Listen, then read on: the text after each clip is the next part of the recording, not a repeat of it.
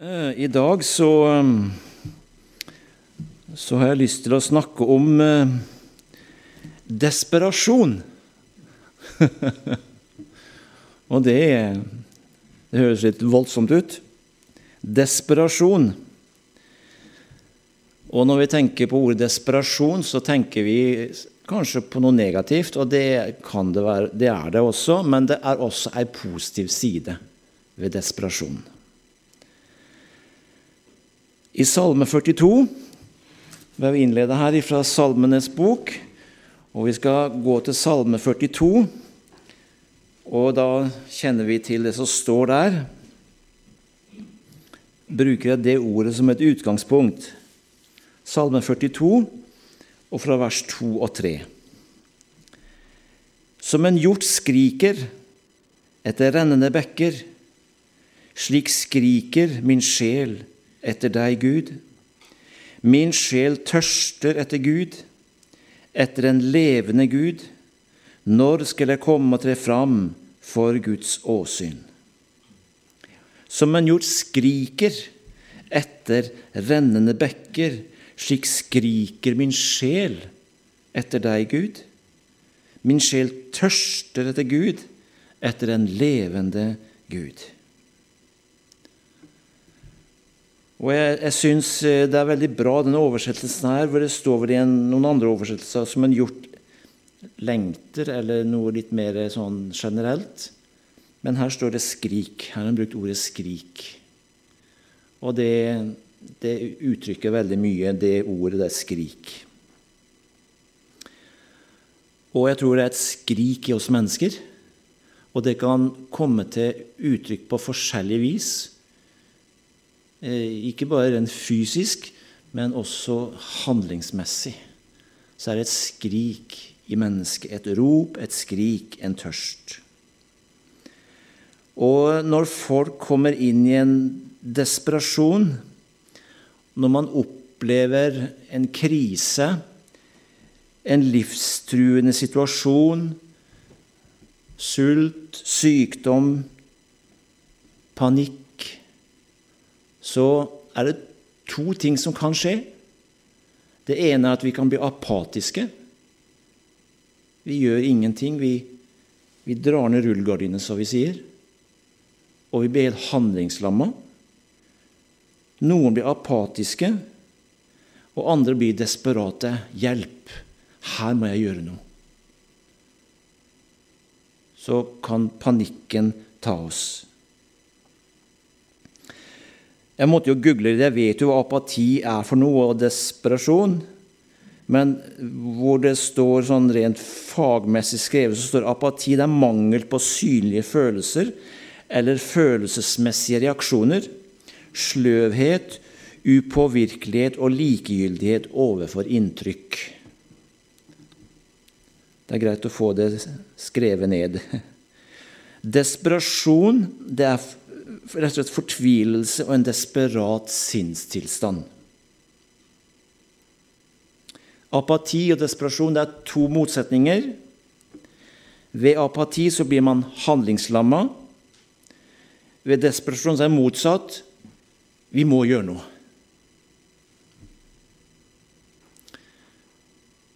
Og så tenker jeg det at det er bare sånn som jeg tenker at apati det kan også ha en positiv side. For det er ikke alltid vi skal handle. Av og til så skal vi være stille. At det kan lønne seg i det lange løp ut ifra situasjonen. Men som jeg sa også innledningsvis, desperasjon kan også ha en positiv side. For desperasjon utløser en mengde følelser som gjør at vi sier jeg må, jeg må foreta meg noe. Og hvis vi da har på en måte kontroll på situasjonen, vi velger å ha kontroll, så kan det føre til noe positivt. Mens jeg skrev ned her Vi må passe på at det ikke blir kortslutning. For det kan det lett bli. Det kan bli kortslutning hvis vi ikke handler på rett måte. Og så tenker jeg på dette positive ved desperasjon. Og da kommer jeg mer og mer innpå det vi leste her, som en gjort skriker, som en gjort er desperat etter rennende bekker, slik er min sjel desperat etter Gud. Da kan jeg kalle det for en hellig desperasjon som kan lede oss inn i Guds nærvær, og at vi kan få løst opp våre problemer. For i mennesket så ligger en tørst etter Gud. Alle mennesker, enten vi tror på Gud eller ei, så er vi født med en lengsel etter Gud, bevisst eller ubevisst.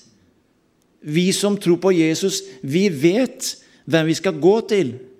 Vi går til Han som har skapt oss. Han som har lagt ned en tørst og en lengsel i oss, og vi vet at den er ifra Gud. Men så er det mange mennesker som kjenner på en tørst, men jeg vet ikke hvor den kom ifra, og hva som skal til for å tilfredsstille den tørsten. Men generelt så bærer vi oss et rop og et skrik i oss etter noe mer. Og vi ser vi, vi, mennesker vi blir urolige, vi blir rastløse. Vi må fylle opp denne tomheten vi har inni oss, på en eller annen måte. Vi søker ulike kilder. Men halleluja, så kan vi få si at vi har av nåde fått oppdage den rette kilden som kan, vi kan gå til når vi kjenner denne desperasjonen og denne tørsten og lengselen etter forandring i livet vårt, og da kan vi få gå til Jesus. I Forkynneren 3,11 så står det at alt har han gjort skjønt i sin tid, men også evigheten har han lagt ned i deres hjerte. Så det er det som er i oss, det er evigheten som ligger i oss. Det er evigheten som kaller på oss. Det er evigheten som på en måte utløser en lengsel etter Gud. Halleluja. Som en hjort skriker etter rennende bekker, slik skriker min sjel etter deg, Gud. Og salmisten han skriver her om noe helt grunnleggende som denne hjorten tørster etter. Det er vann. Han vil ha vann. Og det er, det, det er betingelse for alt liv. Det er vann. Vi kan klare oss ei stund uten mat, men vann, det må vi ha. Og vann, det brukes i alle ting. I matlaging, i produksjon. Ja, vi trenger vann. Og han skriver om en tørst. Han skriker etter Gud. Og denne som skriver denne sanne, han vet hvem han skal henvende seg til. Han går til Gud, som en hjort skriker, og min sjel tørster. Halleluja. Og det er blitt så, så godt for meg at jeg en dag fikk ta imot Jesus, og så har jeg fått lov til å bruke han som min kilde. Halleluja. Tenker vi over det? Jeg må si Det er ikke alltid jeg tenker over det, men stort det er å sette seg ned og virkelig tenke på det. At jeg er frelst, det er en gåte. Jeg vandret jo på syndens vei. Det, det er ingen automatikk i dette. Men en dag så fant vi Jesus. Halleluja. Og det var kanskje en, en desperasjon, en, en lengsel, stor eller liten, men det var en lengsel etter Vi ble dratt imot Gud. Halleluja. Og så fikk vi drikke av livets vann.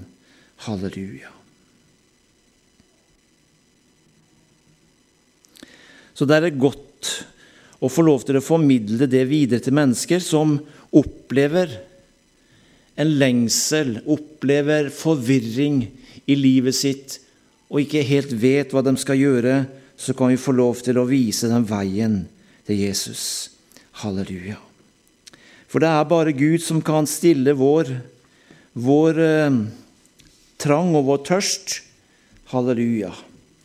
Og eh, så må det være sånn at vi alltid kjenner denne tørsten i våre hjerter. Men jeg vil, jeg vil være ærlig og si det at Guds ord det, det rammer en sjøl først.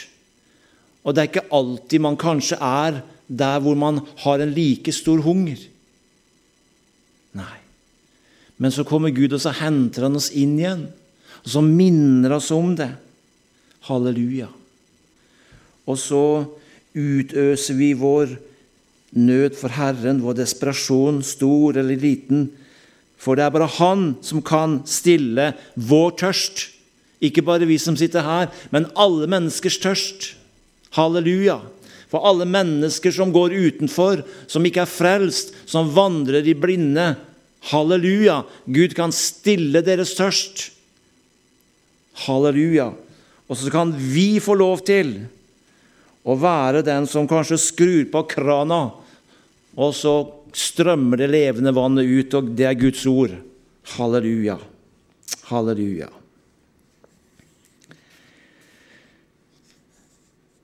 Jeg sa det at vi, eh, vi har en tørst i oss. Det ligger i oss, og må den alltid være der. Selv om vi er frelst, vi har, vi har fått tak i Jesus, men må den tørsten alltid få være der? Slik at vi vil ha mer av Jesus. Vi vil drikke mer av det han har å gi oss. Og vi kjenner at vi, vi, vi trenger denne Guds velsignelse over våre liv. Og Apropos velsignelse, så vil jeg også lese ifra, om, om, Jakob. eller Vi kjenner jo til historien om Jakob. Og det er også vet at han, eh, han tilrana seg en velsignelse som han ikke skulle ha. Den var ikke helt ekte. Og det står her at eh, og Så kjenner vi det ved historien at han, han måtte rømme, og, og, vi kjenner historien. Og Han var jo tvilling med Esau. Esau kom først, og så kom Jakob. Men kanskje Jakob han ville være først. Han ville være først ute. Og så vet vi at han tilrana seg førstefødselsretten, eller odelsretten, for å si det sånn. Og så lurte han til seg en velsignelse fra sin far, og vi kjenner til konsekvensene. Han måtte flykte, og brødrene ble atskilt, og Jakob måtte flykte.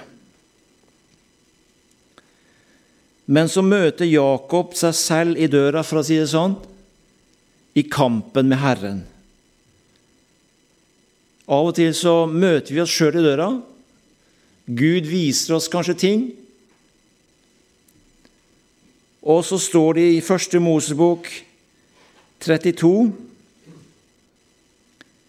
fra vers 24, så var Jakob alene tilbake. Da hadde han sendt alt sitt gods og folket sitt og barna sine alt i forveien for å møte Esau. Og han sendte dem sånn flokkvis ikke alle på en gang, men sånn at han, han ville blidgjøre sin bror. Og Så kjenner vi til at Jakob var alene tilbake. Da kom det en mann og kjempet med ham inntil morgenen grydde. Og da mannen så at han ikke kunne rå med ham, rørte han ved hans hofteskål, og Jakobs hofteskål gikk av ledd, mens han kjempet med ham. Og han sa, Slipp meg, for morgenen gryr. Men han sa, Jeg slipper deg ikke uten at du velsigner meg. Da sa han til ham, Hva er ditt navn? Han svarte Jakob. Han sa, Du skal ikke lenger hete Jakob, men Israel, for du har kjempet med Gud og med mennesker og vunnet. Her opplevde Jakob en desperasjon. Her våkna Jakob, for den velsignelsen han hadde levd på, det var ingen velsignelse. Tvert imot en forbannelse. Og når han her slåss med engelen, og han nekter å slippe taket. Han nekter å gi seg. 'Jeg slipper deg ikke uten at du velsigner meg.' Her er det en desperasjon. Her er sterke følelser i, i sving. Jakob han måtte ha den rette velsignelsen. Han kunne ikke leve på det han hadde levd på før. Han måtte ha den rette velsignelsen. Jeg slipper deg ikke uten at du velsigner meg. Og må vi ha den samme holdninga, alle sammen, til Jesus. Jeg slipper deg ikke, Jesus. Jeg trenger deg, Jesus. Du har gjort så mye i livet mitt. Men jeg trenger deg, Jesus, og jeg slipper deg ikke. Han vil ikke slippe oss. Men er det noen som slipper taket, så er det vi. Men la oss ikke slippe taket på Jesus. Og himlenes rike, det er til for dem lengtende, den tørstende, den som skriker. Halleluja. Og, når, og Gud ønsker å se vår desperasjon. Jeg tror Gud ønsker, han elsker å se at vi ikke bare ønsker å være middelmådige, men vi vil være Ja, vi vil være på hugget, for å si det sånn. Vi vil, vi vil ha denne lengselen i oss. Og nå snakker jeg like mye til meg sjøl. Måtte den være der. Måtte den få lov til å bare vokse i oss. Så jeg vil bare si det til deg i dag, du som kjemper, du som stiller spørsmål, og du som har en en kamp i ditt hjerte, så skal du vite at Gud er med deg. Gud er med deg i kampen, og han slipper deg ikke. Så jeg vil si, ikke slipp taket på Gud midt i vanskelighetene. Ikke gi slipp av drømmene dine. Ikke slipp taket på Gud av tross av ubesvarte bønner. Hold fast. Vi har så lett for å Å, Gud hører meg ikke, og så, så resignerer vi. Men hold fast, og ikke Nå snakker jeg ikke om strev og selvstrev, men vær fokusert på Herren. Og ikke gi slipp på Gud på tross av sykdom, diagnoser, prøvelser på mange forskjellige vis. Hold fast på Jesus for han vil ikke slippe deg. Halleluja.